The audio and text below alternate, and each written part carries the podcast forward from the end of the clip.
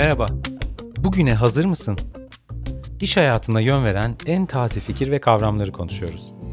Akbank'ın bu podcast serisinde ben Yalçın Pembecioğlu her bölümde iş hayatında sık sık duymaya başladığımız yeni bir konuyu inceleyip size anlatmaya çalışacağım. Sonra da anlattığım bu fikir ya da kavram iş hayatında bugün nasıl uygulanıyor öğrenmek için sohbetimizi bir Akbanklı ile sürdüreceğiz. Yani her bölümde yeni bir konuyu detaylarıyla öğrenip iş hayatındaki uygulamasını da uzmanından dinleyeceğiz. Bu bölümümüzdeki konumuz iyi şirketler ve kapitalizmin nasıl değiştiği. Başka bir deyişle yalnız hissedarlarına değil topluma da fayda yaratmayı amaçlayan şirketler. Küresel ekonomi sisteminin ve açık pazarların giderek kırılganlaştığı ve yeniden yapılandırıldığı bir çağa girdik.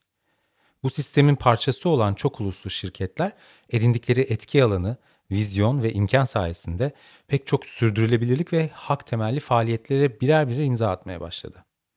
Artık hem sürdürülebilir hem de etik olarak ayakları daha yere basan şirketler görüyoruz. Geçtiğimiz yıl başlayan COVID-19 küresel salgını daha esnek, dayanıklı ve sürdürülebilir sistemleri olan ihtiyacımızı da doğruladı. Ürettiğimiz ve tükettiğimiz neredeyse tüm ürünlerin gezegenimize belirli bir karbon salınımı etkisi de var. Sıcaklar geri dönülmez şekilde artıyor, buzullar eriyor ve okyanuslardaki plastik atıklar her geçen gün artıyor. Aşısı bulunabilen bir virüs salgınında milyonlarca insanın hayatını kaybettiği, işsiz ve evsiz kaldığı bir dünya düzeninde yaşıyoruz. Düzenimiz biraz daha farklı olsaydı daha az kayıp vereceğimize birçok bilim insanı hemfikir. Neredeyse her sektörde tüm paydaşları, canlıları ve çevreyi gözeten, toplumsal eşitliğe dayalı sistemlere olan ihtiyacımız da teyitlenmiş oldu ve şirketler bunun farkında. Dünyadaki birçok kar amacı güden şirket, sürdürülebilirlik ve toplumsal fayda girişimlerinde büyük değişimlere imza attı. Peki şirketleri buna iten şey ne? Yeni bir sistem yaratma fikri için bu sistemin işleyişini ve sorunlarını biraz daha net kavramak gerekiyor. Kapitalizmin yarattığı olumsuz çıktılar karşısında bu sistem üzerinde yeniden düşünmemiz gerektiğini vurgulayan kurumlardan biri Dünya Sürdürülebilir Kalkınma İş Konseyi. Konsey 2010 yılında paylaştığı 2050 vizyon raporunda kapitalizmin yeniden tanımlanması gerektiğini savundu ve bunu hayata geçirebilmek adına bir de yol haritası sundu. Reinventing Capitalism yani kapitalizmi yeniden inşa etmek diyebileceğim rapor, kapitalizmin özel girişim ve rekabetçi piyasalar gibi bazı temel özelliklerinin 9 milyar insanın bir arada uyum içinde yaşaması için gerekli koşulların sağlanması adına vazgeçilmez olduğunu belirtiyor. Ancak önemli bir fark olarak yeni tanımla birlikte değer çıkartmanın değil, değer yaratmanın ödüllendirilmesi ve teşvik edilmesi gerektiğini savunuyor. Günümüzde finansal değerlendirmelerin sosyal ve çevresel etkileri hesaplarına dahil etmemesi, değer tanımının toplumsal katkıyı doğru bir şekilde yansıtmamasına yol açıyor. Rapora göre değer yaratan bir kapitalizmin önündeki engeller şu şekilde sıralanıyor. Finansal değerle gerçek değer arasındaki farkı ortaya koyamayan performans metrikleri, uzun dönemli değer yaratmaktansa kısa vadede finansal değer çıkarmayı teşvik eden pazar dinamikleri, gerçek değer yaratılmasını sağlamak adına yasalar oluşturmayan veya uygulamasını yapmayan kurum yapıları. Yani şirketlerin önem verdiği şey artık hisse değerlerini mümkün olduğunca arttırmaktansa paydaşlara odaklanmak. Şirketlerin ana amacı çalışanları, müşterileri, tedarikçileri, hissedarları, topluluklar ve çevrenin de arasında olduğu bütün paydaşları için değer yaratmak. Sürdürülebilirlik ve toplumsal faydayı gözetmek günümüzde sadece sivil toplum kuruluşların ya da bireylerin değil, kurumsal şirketlerin de gündeminde. Çünkü artık ulusal ve küresel değişimler geçtiğimiz yüzyılda devletlerin ve bir takım akımların öncülük ettiği bir yerdeyken, şimdi çok uluslu, kar amacı güden veya gütmeyen kuruluşların yön verdiği bir konumda duruyor. Sürdürülebilirlik ve sosyal fayda artık şirketler için kar sağlamak kadar en önemli hedefler haline geldi. Ve bu kriterleri ölçmek, puanlamak ve geliştirmek için çalışmalar yürütmek şirketlerin performanslarını iyileştirmek için önemli bir teşvik sağlıyor. Şirketlerin hayatta kalmaya devam edebilmesi için dünya üzerindeki etkilerini düşünmeleri ve yönetmeleri gerektiği konusundaki bilinç şirketler, yatırımcılar ve hissedarlar nezdinde giderek artıyor. Bunun için belirli kriterler ve yaptırımlar belirlendi bile. Küresel çapta profesyonel olarak yönetilen varlıkların üçte biri yani yaklaşık 30 trilyon dolar belirli komisyonlarca tasdiklenmiş çevresel, sosyal ve yönetişim kriterlerine tabi. Kar elde eden büyüyen şirketlerin çevreye ve topluma zarar vermeyip aksine fayda sağlamaları, çalışanlarını, tedarikçilerini ve müşterilerini buna teşvik etmeleri gün geçtikçe yaygınlaşıyor. Bunun en temel sebebi olarak karşımıza ulusal ve çok uluslu şirketlerin daha adil ve ilerici bir toplum yaratmak için belirli bir sorumluluğa sahip olmaları geliyor. Çünkü daha sürdürülebilir, dirençli ve piyasa hem toplumun hem de gezegenimizin ihtiyacı. Çevresel, ekonomik, toplumsal kalkınmanın birbirini tamamladığı birçok bilim insanı tarafından doğrulandı. Bu sebeple artık şirketlerin tüketicilerine ihtiyaçlarından daha fazlasını almamaya teşvik ettiği bir süreçteyiz. Ama en basit tabirle müşterisine satın almamasını söyleyen bir şirket nasıl kar edebilir ki? Bu soruyu cevaplamadan önce sürdürülebilirlik ve sosyal fayda konusunda dünyada ilk sertifika sistemi olan B Corp'a biraz bakalım. B Corp, uluslararası kurumsal şirketler için verilen adeta bir onur nişanı. En özetle B Corp sertifikası gezegenimizin ve insan haklarının iyiliğini de gözeten şirketlere veriliyor. Peki B Corp tam olarak ne ve bu sertifikaya sahip şirketler ne gibi avantajlara sahip? Sadece dünyanın en iyisi olmak için değil, dünya için en iyi olmayı amaçlayan şirketlerin gönüllü saydamlık, şeffaflık ve hesap verilebilirlik prensipleri ve belirli ölçümleme standartlarıyla hareket etmelerine bir teşvik ve aynı zamanda araç olan B Corp sertifikası, çevre, toplum, ekonomi için değer yaratan şirketlere kar amacı gütmeyen kuruluş olan B Lab tarafından verilen bir sertifika. Şirketler faaliyet gösterdikleri sektöre ve şirket büyüklüklerine göre kendilerine göre özelleştirilmiş bir e, değerlendirme formuna tabi tutuluyorlar. Yönetişim, çalışan hakları, topluluk, çevresel yönetim gibi farklı alandaki sorulara öz değerlendirme yapıyorlar ve B Corp sertifikasına sahip olmaya hak kazanıyorlar. Sertifika şirketlere benzerlerinden ayrışma fırsatı ve rekabet avantajı da sunuyor. Şirketleri iş ve yapış modellerine ilişkin geliştirme alanlarını görme, bütüncül bir yaklaşımla uzun vadeli stratejilerini gözden geçirme ve iyileştirme imkanı da sağlıyor. Bugün dünyada yaklaşık 3000 B Corp sertifikalı şirket var. Girişimlerle küçük ve orta ölçekli şirketlerin yanında birçok büyük ölçekli ve yüksek cirolu şirketlerin de sertifika alarak topluluğa katılmasıyla hareketin büyüyerek ivme kazandığını söyleyebilirim. B Corp sertifikasının şirketlerin başarılarını yeniden tanımlamalarını sağlayarak iş kültürünü değiştirmeyi amaçladığını da söylemeliyiz. Harekete dahil olan şirketler B Corp topluluğunun bir parçası olmanın iş geliştirme, satış ve pazarlama başarılarına ve buna bağlı olarak karlılıklarına olumlu yönde etki ettiğini açıkça ifade ediyor. B Corp sertifikalı şirketlerin şeffaflık konusundaki çalışmalarının hisse değerlerine olumlu yönde etki yaptığını gösteren somut çalışmaları hareketin geleceğini önemli ölçüde etkileyecek gibi görünüyor. Şirketler artık cinsiyet, engellilik, azınlık gibi konularda daha kapsamlı işe alım süreçleri yaşamak için çaba harcıyor. Kapsayıcılığın olduğu, dünya görüşünün ve vizyonunun geniş olduğu, sonraki kuşaklara aktarılacak değer ve birikimleri olan çalışanlar şirketleri iyileştiriyor. Bunun yanında topluma sunulan fayda ve imkanlar müşteri ve ilişkiler de şirketler için büyük önem teşkil ediyor. Peki bu şirketler sürdürülebilir olmaya çalışırken nasıl kar etmeye devam edebilirler? Ürünlerin tüketiciye maliyetinden çok çevreye maliyeti olabiliyor. Bu da şirketlerin tüketicilerine ihtiyaçları olmayan ürünleri almamaya teşvik etmeleri için etkin bir sebep haline geliyor.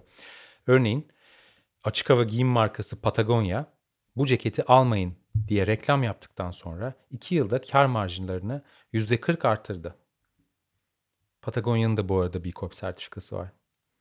B Corp sertifikalı olmayan on binlerce şirket sertifikaya sahip olmayıp kriterlerin çoğunu kapsıyor ve giderek daha sürdürülebilir adımlar atıyor. Her şirketin kendi sektörüyle ilgili çeşitli farkındalık çalışmaları yaptığını ve üretimlerini ona göre şekillendirdiğini gözlemliyoruz.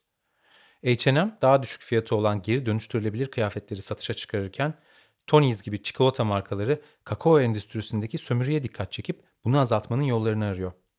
H&M'in resmi sitesinde müşterilerine ve işbirlikçilerine değişim, inovasyon, farkındalık, şeffaflık, adil olmak ve herkesi gözetmek gibi değerlere teşvik ettiğini görüyoruz. Etik ve sürdürülebilir moda anlayışı hem H&M gibi büyük markalar tarafından hem de yeni tekstil girişimleri tarafından çokça duyduğumuz bir terim haline geldi. Hatta Pour la Femme gibi markalar tekstil zincirinin eşitliği gözetmesi üzerine çalışmalar da yapıyor. Google, geçtiğimiz 4 yılda tüm küresel işlemlerindeki elektrik tüketiminin %100'ünü yenilenebilir enerjiyle gerçekleştirdi. Önümüzdeki 10 yıllık hedefi dünyanın her yerindeki data merkezlerinin tamamen karbon sıfır bir ortam olması. IKEA, bir tüketim çılgınlığı olan Black Friday'e yeşil bir alternatif olarak Buyback Friday'i başlattı ve ikinci el kullanımını teşvik edip döngüsel ekonomiye katkı sunuyor.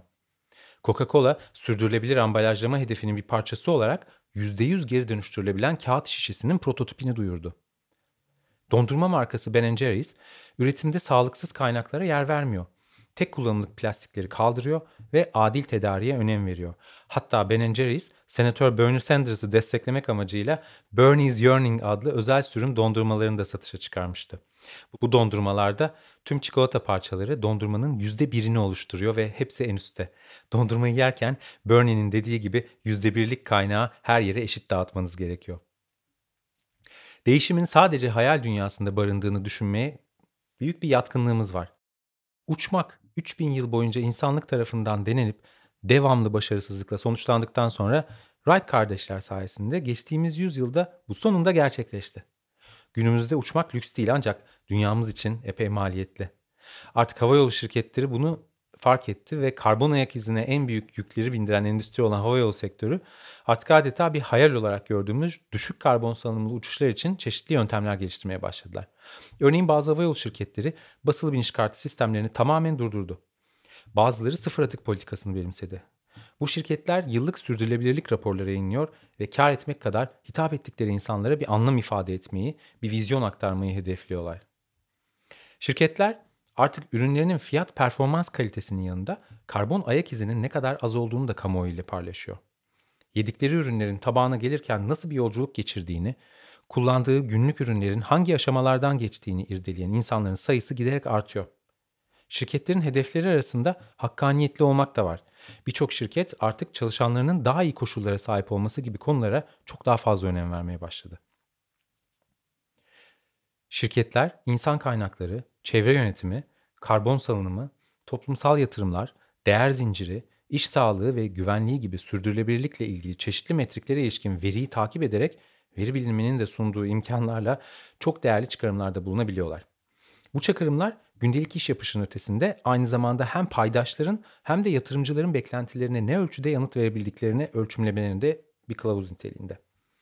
Özellikle günümüz veri bilimi teknolojilerinin sunduğu imkanlar doğrultusunda şirketler artık çok daha fazla veriyi analiz etme şansına sahipler.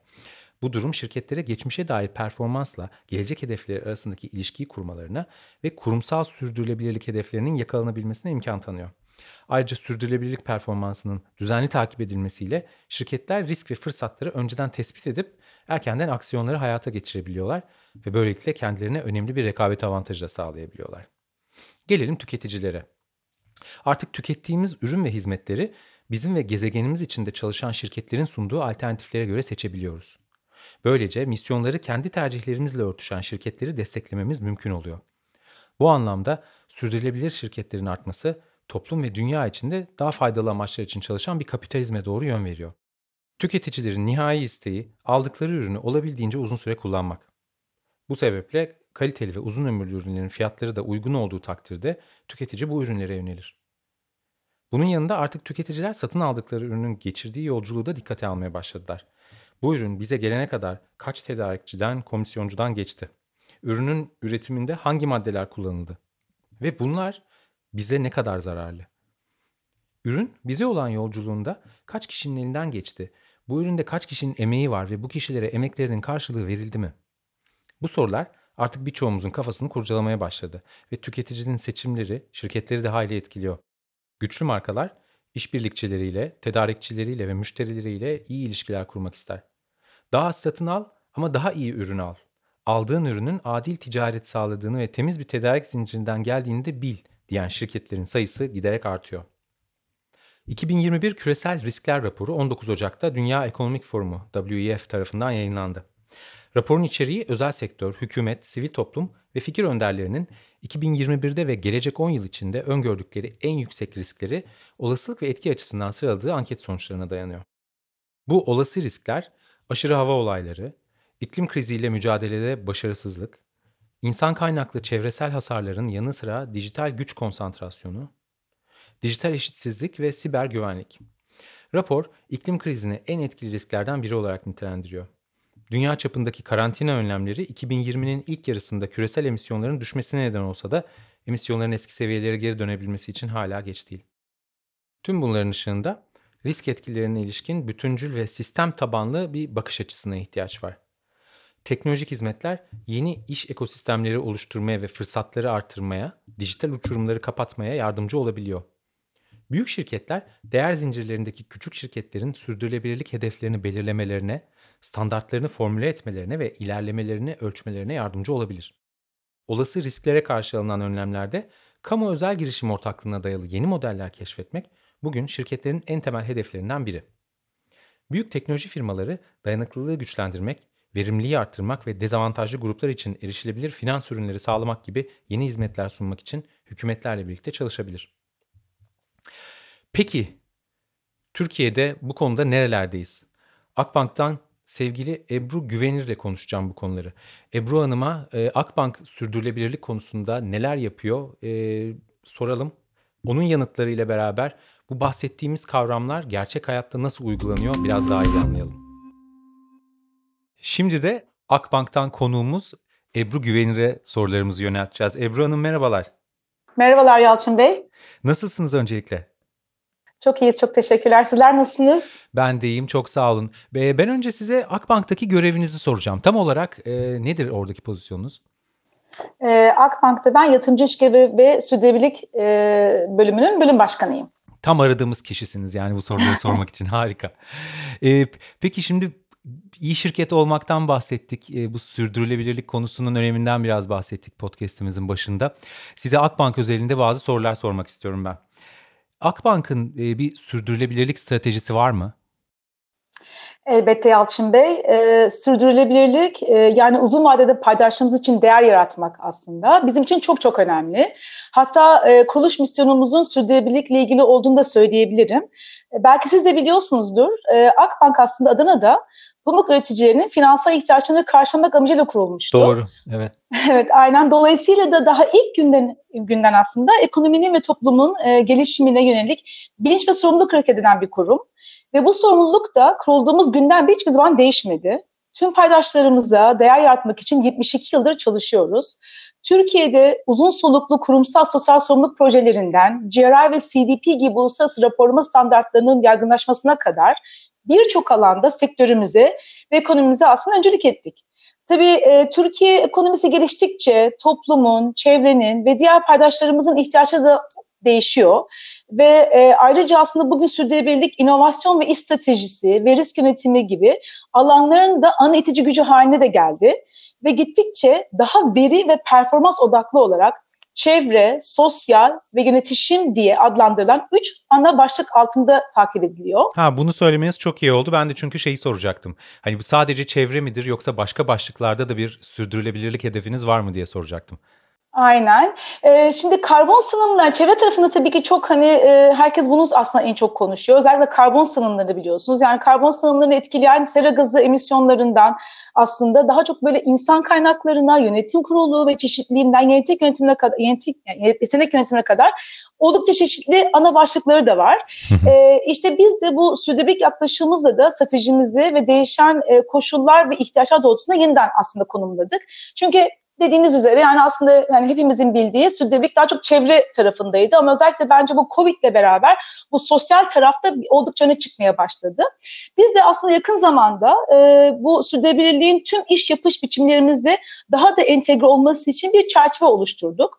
Ve bu kapsamda yıllardır yaptığımız gibi bankamızın tüm iş birimleriyle birlikte müşterilerimizle, çalışanlarımızla, yatırımcılarımızla ve çok geniş kapsamlı bir paydaş kitlesiyle birlikte çalıştık birebir görüşmeler ve anketlerle onların ihtiyaç ve beklentilerini detaylı bir şekilde analiz ettik. Hı hı.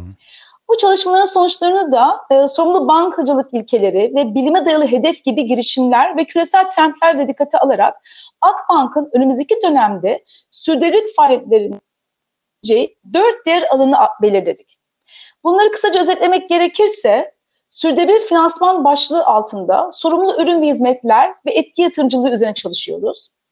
İnsan ve toplum başlığı altında işin geleceği, çeşitlilik ve kapsayıcılık ve toplumsal yatırımlara odaklanıyoruz. Ekosistem yönetiminde dijitalleşme ve finansal kapsayıcılıkla ilgili fark yaratan projelere imza atıyoruz. İklim değişikliğinde ise operasyonel salınımlar, portföy etkisi ve maruziyeti üzerinden mücadele ediyoruz. Bu alanlardaki etkin ve odaklı çalışmalarımızla gelecek nesilleri daha yaşanabilir bir dünya bırakmayı arzu ediyoruz tabii ki. Asıl amacımız bu. ve bu dört alanda kendimize ölçülebilir uzun vadeli hedefler koyduk. Çünkü sürdürülebilirlik gerçek anlamda uzun vadeli bakış açısını gerektiriyor. Gelecek nesiller için, gezegenimizin geleceği için aslında tüm şirketleri ve ekonominin ciddi bir dönüşümden geçmesi gerekiyor. Biz de bu yola yani gerçekten baş koyduk ve Türkiye'de sürdürülebilir finansman alanında uzun vadeli ve somut hedefler koyan ilk Meduak Bankası olduk aslında. Bu hedeflere ulaşmak bankada neredeyse tüm ekiplerin operasyonlardan risk yönetimleri, kredilerden insan ve kültüre ciddi bir işbirliği de gerektiriyor. Bu yüzden doğru ve etkin bir yönetişim yapısının çok önemli olduğunu da farkındayız. Biz de e, benim e, bölüm başkanı olduğum yatırımcı ilişki ve sürdürülebilirlik bölümü olarak da bu hedeflere ulaşmak için banka genelinde çalışmaları bütünsel ve sistematik bir yaklaşımla koordine ediyoruz. Sürdürülebilirlik performansımızı ve faaliyetlerimizi bankamızın üst yönetimi tarafından da özellikle yakından takip ediliyor. E, şunu söyleyebilirim mesela üyelerin arasında yönetim kurulu mensuplarımızın da bulunduğu sürdürülebilirlik komitesi de en az iki defa toplanarak bu alanda bankadaki gelişmeleri takip ediyor ve stratejik yönetimimizde katkıda bulunuyor. Yani bu çok kıymetli sonuç olarak. Çünkü özellikle yönetimin sahiplenmesi tabii ki de bütün bankanın bu işe böyle holistik olarak yaklaşması açısından çok kıymet arz etmekte. E, ayrıca da sürdürülebilirlik performansımızı ölçmek için CEO'muz başta olmak üzere tüm çalışanlarımız için de KPI'ler belirledik. Ve e, sürdürülebilirlik performansını banka KPI'ne ekleyerek de yine sektörümüze öncelik edecek bir adımı atmış olduk aslında. E, bankanın tüm birimlerinde bu alandaki motivasyon ve enerji oldukça yüksek diyebilirim. Ve e, bunu gerçekten gönlden inanıyorum bu motivasyon ve enerji de bizi kesinlikle başarıya götürecektir. Çok güzel açıkladınız. Şimdi e, çevre ve karbon konusunda biraz daha derin girmek istiyorum ama ondan önce e, başka bir yere atlayacağım. Şimdi Türkiye'de bir bankanın çevre ve sürdürülebilirlik konularında yaptıklarının tüketici tarafında geri dönüşünü siz nasıl gözlemliyorsunuz? Yani tüketiciler bankaların aldığı bu sorumlulukları önemsiyor mu? Bunu gerçekten merak ediyorum ben. İklim değişikliği, çevre kirliliği, fırsat eşitliği gibi konularda farkındalığı giderek arttığını görüyoruz gerçekten. Sosyal medyada neredeyse her gün farklı bir marka ile olumlu veya olumsuz bir hashtag kampanyası organize ediliyor. Siz de bunun farkındasınızdır zaten. Evet. evet. Yani artık tüketiciler de ürün ve hizmetleri satın alırken daha iyi bir geleceğe katkı sağlamak istiyorlar. Yapılan araştırmalar, müşterilerin çevreye duyarlı ürünler için daha fazla ücret ödemeye sıcak baktığında aslında ortaya koyuyor. Elbette ki fiyat ve satın alma kolaylığı tüketicilerin kararlarını etkileyen en önemli faktörlerden. Ancak evet, değil mi? Aynen öyle. Ancak sürdürülebilirliğin bu kararları gittikçe daha da çok etkilediğini görüyoruz. Yani ben bunu aslında kendi gündelik yaşamımdan da aslında farkındalığını e, sonuçta görüyorum.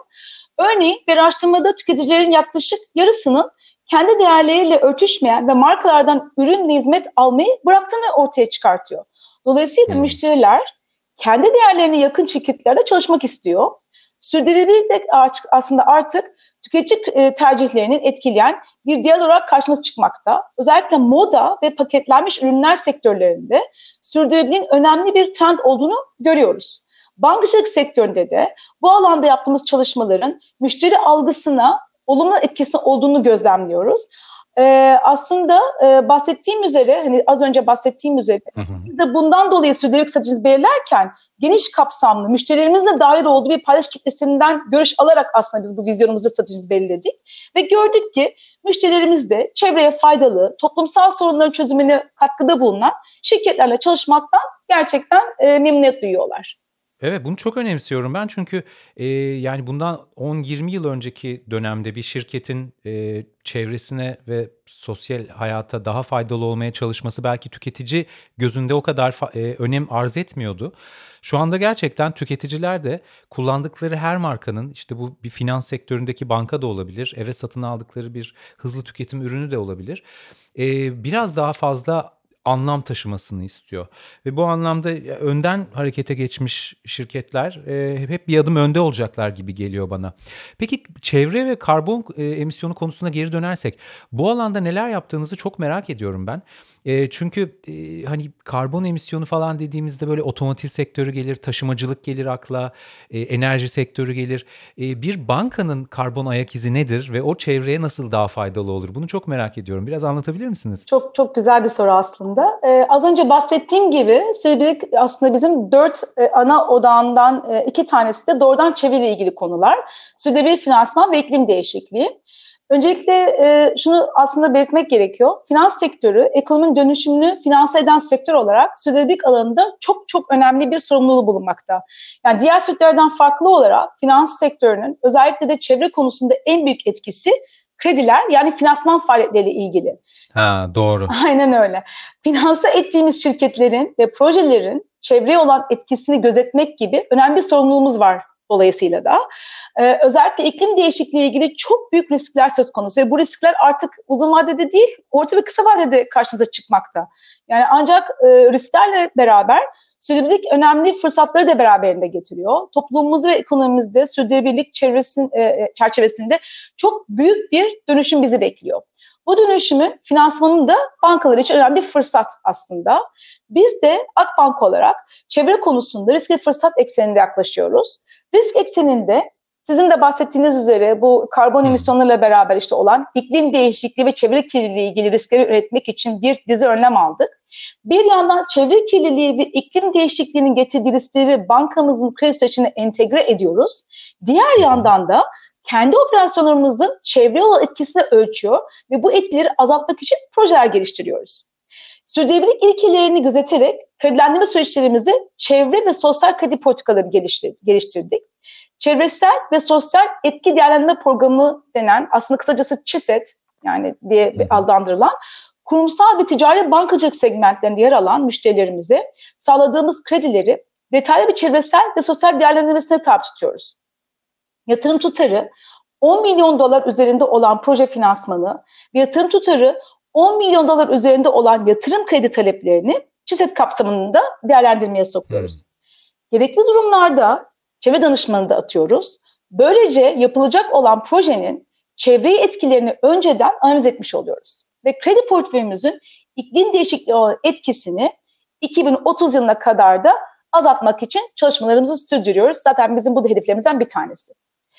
Projelerin çevre yol etkilerini birçok açıdan ele almakla birlikte doğal ekosistemleri korumaya da özen gösteriyoruz. Çünkü bu da ayrı önemli bir konu. Mesela örneğin rüzgar enerji santrali projesi için kuş göç yollarını hesaplarken bir köprü inşaatı ile ilgili bölgeye özel deniz yaşam formlarının yaşamlarını sürdürebilmeleri için yeni alanlar oluşturmasını sağlıyoruz. Harikulade.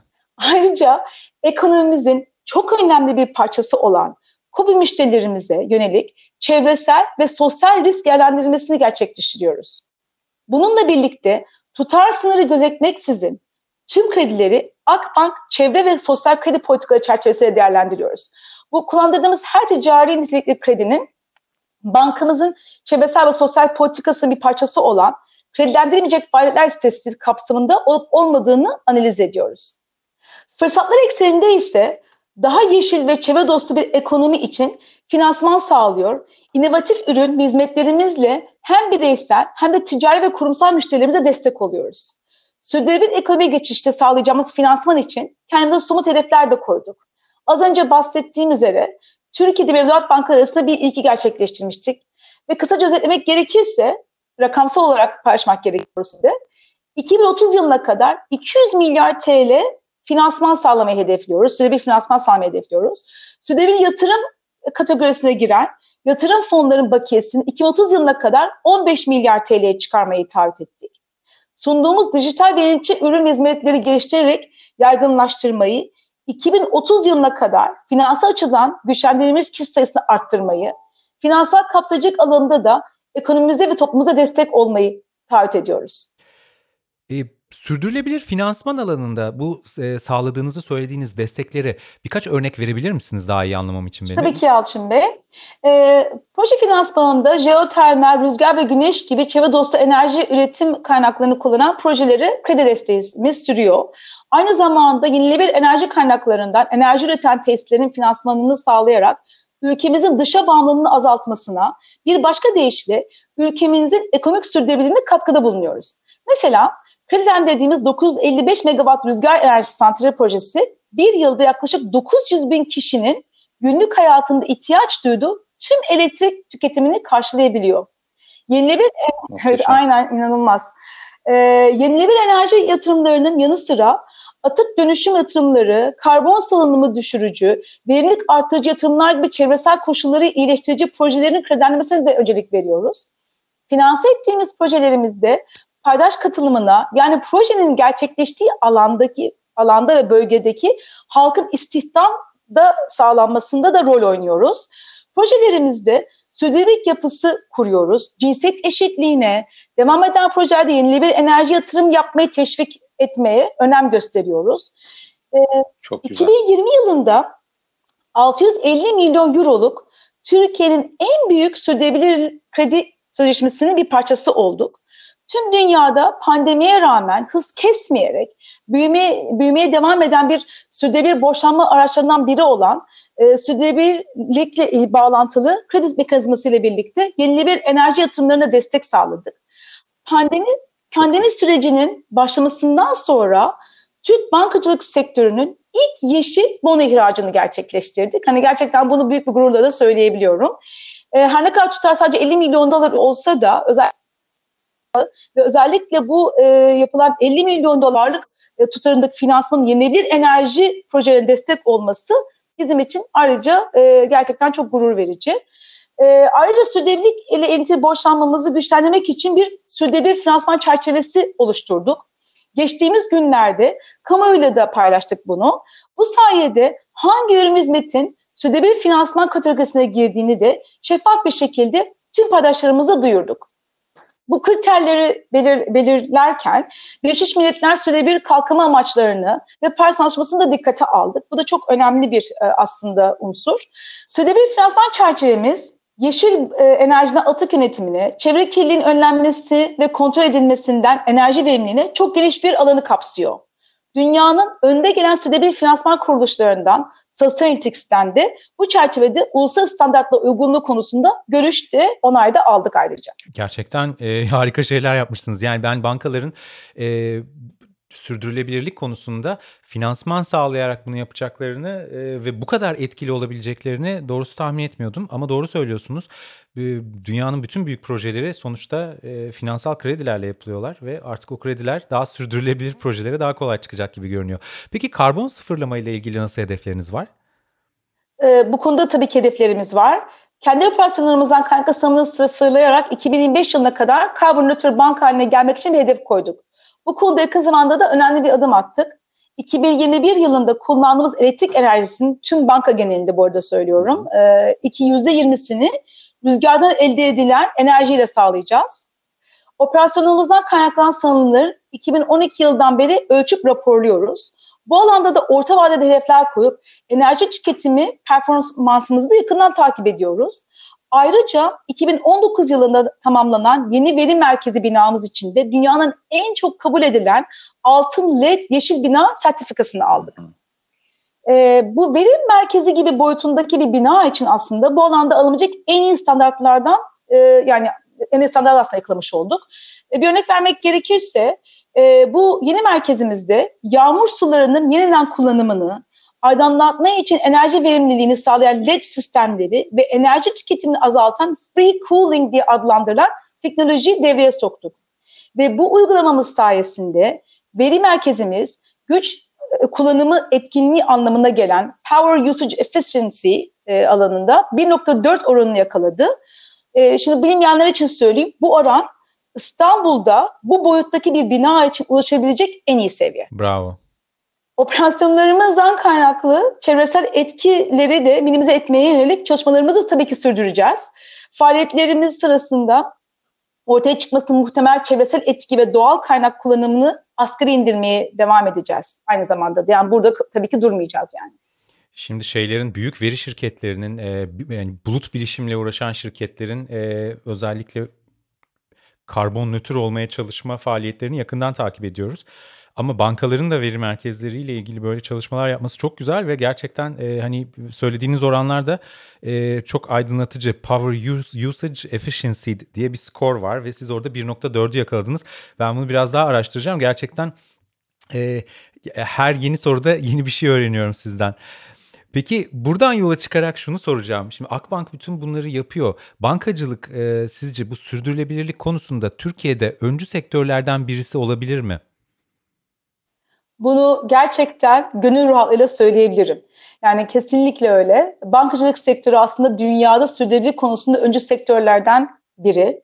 Ve e, mesela bankacılık sürdürülebilirlik alanında Birleşmiş Milletler Çevre Programı Finans girişimi tarafından hayata geçirilen sorumlu bankacılık prensipleri gibi kendi oluşturdukları inisiyatifler var. Özellikle Avrupa Birliği'nde önemli gelişmeler yaşanıyor. Siz de bunu zaten takip ediyorsunuzdur. Geçtiğimiz dönemlerde Avrupa e, Yeşil Mutabakatı e, paralelinde Avrupa Merkez Bankası varlık alım programının odağını yeşil hedefler yeşil hedefler koydu. İklim değişikliği ilk defa e, gündemine alan Merkez Bankası e, diğer bankaların da takip etmesini tabii ki bekliyoruz. Bununla birlikte finans sektöründe sürdürülebilirlik performansının ölçülmesi, raporlanması, paydaşlarla şeffaf iletişim yapılması oldukça önemli bir hale geldiğini söyleyebilirim. Biz de mesela bunu özellikle yatırım dünyasında artık toplantılarımızda e, gerçekten e, yani en çok gelen sorulardan bir tanesi bu. Son gelişmelerden biri olarak da e, bu yıl 10 Mart'ta sürdürülebilirlik e, finans açıklama zorunluluğu Avrupa Birliği'nde yürürlüğe de girdi. E, bankacılık sektörü sadece dönüşüm finanse eden bir katalizör değil, birçok alandaki önce uygulamalarıyla ekonominin dönüşümüne yön veren önemli sektörlerden bir tanesi. Ya tabii ki bunu finansman gücüyle sağlıyor. Hı hı. Mesela dijitalleşme ile ilgili gelişmelere bakıldığında Türkiye'deki bankacılık sektörü birçok geçmiş ülkeye kıyasla çok daha iyi bir yerde olduğunu söyleyebiliriz kesinlikle.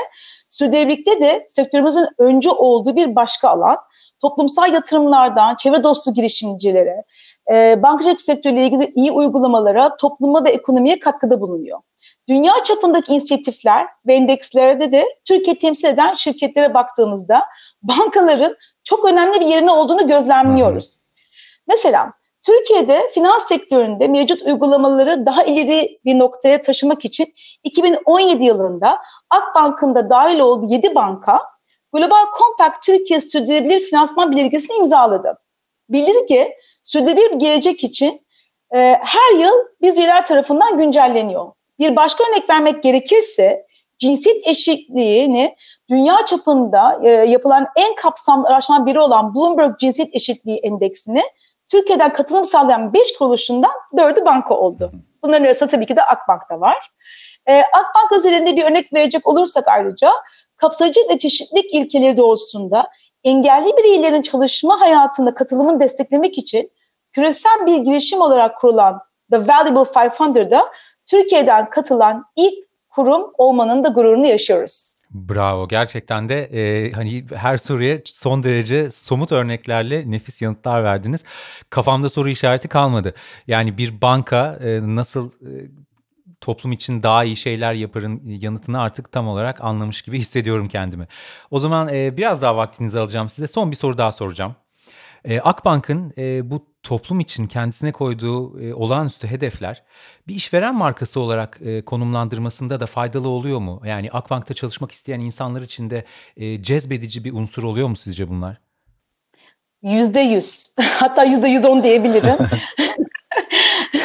Az önce bahsettiğim gibi iklim değişikliği, çevre kirliliği, fırsat eşitliği bir konulardaki farkındalığı giderek arttığını her alanda gözlemliyoruz tabii ki. Çalışanlar artık şirketlerin sunduğu finansal olanaklar ek olarak da işveren markasının sürdürülebilirlikle ilintili performansını da dikkate alıyorlar. Özellikle genç nesiller çalışmak istedikleri şirketleri belirlerken kurumların çevreye ve topluma olan etkilerini titizlikle inceliyorlar. Greta Thunberg'ı hepimiz biliriz tabii evet. ki. E, bu, bu, bu e, onun gibi genç liderler kendi kuşaklarının bu konuda daha da duyarlı olması için tabii ki öncülük ediyorlar. Ayrıca sürdürülebilirlik alanında öne çıkan şirketlerin çalışan e, çalışan tutundurma oranında ve çalışanın motivasyonunun da arttığını aslında görüyoruz. E, az önce bahsettiğim bu e, dört değer alanından bir tanesi de insan ve toplumun e, aslında üç önemli etki alanı var. E, bunları da biraz kısaca bahsetmek isterim. E, burada Buyurun, bahs- tabii. Yaptıklarımızdan. E, ilk olarak gönüllülük faaliyetlerimizden bahsetmek istiyorum. Hayata geçirdiğimiz e, tüm projeleri e, ile faaliyet gösterdiğimiz e, lokasyonlarda yerel halk ve sivil toplumla aslında kuruluşlarla birlikte çalışıyoruz. E, ortak değerler, değerlerimizde bir araya geliyoruz ve Türkiye'nin e, dört yanında Akbanklılar, ailelerimiz, müşterilerimiz ve iş ortaklarımızla birlikte topluma e, katkı projeleri yürütüyoruz. E, toplumsal duyarlılık ve farkındalık yaratma gibi pek çok amacı hizmet eden gönüllü çalışmalarımız kapsamında her yıl bine yakın Akbanklı ile 50'ye yakın proje gerçekleştiriyoruz. Bir diğer yandan ise çeşitli bir kapsayıcılık e, e, politikamızdan aslında yani o taraftaki aslında çalışmalardan bahsetmek istiyorum. Cinsiyet ve fırsat eşitliği konularında çalışmalarımızı kesinlikle önceliklendiriyoruz. Yani bu konuda farkındalık oluşturmaya gayret ediyoruz. Eşitçi, kapsayıcı, uygulamalarımızın uluslararası e, kurumlarca takdir edildiğini görmek de bizi çok mutlu ediyor. Bloomberg Cinsiyet Eşitliği Endeksinden az önce zaten Hı-hı. bahsetmiştim bu ay çok yeni aslında 8 Mart'ta açıklanan e, gene başka bir e, e, endekse katılımımız oldu. ONFIF e, Gender Balance Index e, diye adlandırılan e, bir e, endeks bu. Cinsiyet dengesi endeksi aslında. E, burada 2021 sonuçlarına göre Akbank global düzeyde bankalar arasında ilk 5'te yer alırken geçmekte olan piyasalar bankalar arasında da ilk sırada yerli, yerleşti. Olağanüstü. E, Çok teşekkürler. Bilmeyenler için ONFIF'i anlatmak gerekirse bu, aslında adı Official Monetary and Financial Institutions Forum. Bu e, küresel finans piyasalarındaki en iyi politika ve uygulamaları teşvik etmek amacıyla kurulan önemli bir kuruluş. E, son olarak da Yalçın Bey e, işin geleceğinden de bahsetmek istiyorum. Yani bundan bahsetmeden kesinlikle olmaz. E, Akbankların işin geleceği, e, iş dünyasını e, hazırlamak e, bizim için de önemli bir e, sorumluluk. Ayrıca yarının liderleri olacak gençleri, geleceğin yetkinliklerini şimdiden kazandırmayı da önemli bir sorumluluk olarak görüyoruz. E, toplumsal yatırımlarımıza bir yenisini daha ekleyerek 2021 yılı başında e, belki siz de duymuşsunuzdur Akbank Gençlik Akademisi'ni kurduk. Bu akademimiz e, toplumun önemli bir kesimini oluşturan gençlere geleceğin yetkinlikleri kazandırmak üzere farklı alanlarda eğitimler verecek ve bu sene hedefimiz 15 bin gence ulaşmak aslında. Çok iyi. E, son olarak da e, Yalçın Bey e, sürdürülebilirlik alanında yaptığımız tüm bu çalışmaların işveren markamıza kesinlikle katkıda bulunduğunu dolayısıyla rahatlıkla söyleyebilirim. Ama daha da önemlisi ve en önemlisi belki de Türkiye'ye geleceğe taşıyan öncü banka olma vizyonumuz ve gelecek nesillere de daha iyi bir dünya bırakma arzumuzla birebir örtüşüyor. Ee, Ebru Hanım çok teşekkür ederim. Ee, gerçekten yani bizi bilgiye boğdunuz. Ee, sürdürülebilirlik, iyi şirket olmak neden önemlidir konusunda e, biraz örnekler vererek konuşmuştum ben e, bu podcast'in başında. Ama bunları ger e, spesifik olarak bir şirketin e, yetkilisinin ağzından e, dinlemek hem hedefleri neden, e, nasıl amaçlarla ortaya koyduğunuzu öğrenmek açısından hem de somut olarak neler yaptığınızı duymak açısından e, çok bilgilendirici, çok doyurucu oldu. Samimi yanıtlarınız için çok teşekkür ederim. E, ben size teşekkür ederim. İyi günler dilerim. İyi günler, iyi günler. Ebru Hanım'a bize aktardıkları için çok teşekkürler. Tüm bu bahsettiğimiz değişimlerin bir parçası olan Akbank gibi şirketleri giderek daha sık görmeye başlayacağız. Temsil ettikleri değişimin kendisi olan şirketler yeşil ve daha temiz bir gelecek inşa edebileceğimiz ekosistemin oluşturulması için beraber çalışıyor. Planlanan yatırımların yapılması ve daha ileriye gidebilmesi için hükümetlerin ve düzenleyici kurumların da desteğine ihtiyaç olduğunu özellikle belirtmek gerek. Sonuç olarak bu konu sadece şirket üst yönetimlerinin kararına bağlı değil. Biz de hem tüketiciler olarak daha bilinçli harcamalar yapabilir hem de kendi çalıştığımız şirket ya da inisiyatifte bu hareketi başlatabiliriz ve kurumumuzun sürdürülebilir olması için yola çıkmasını sağlayabiliriz.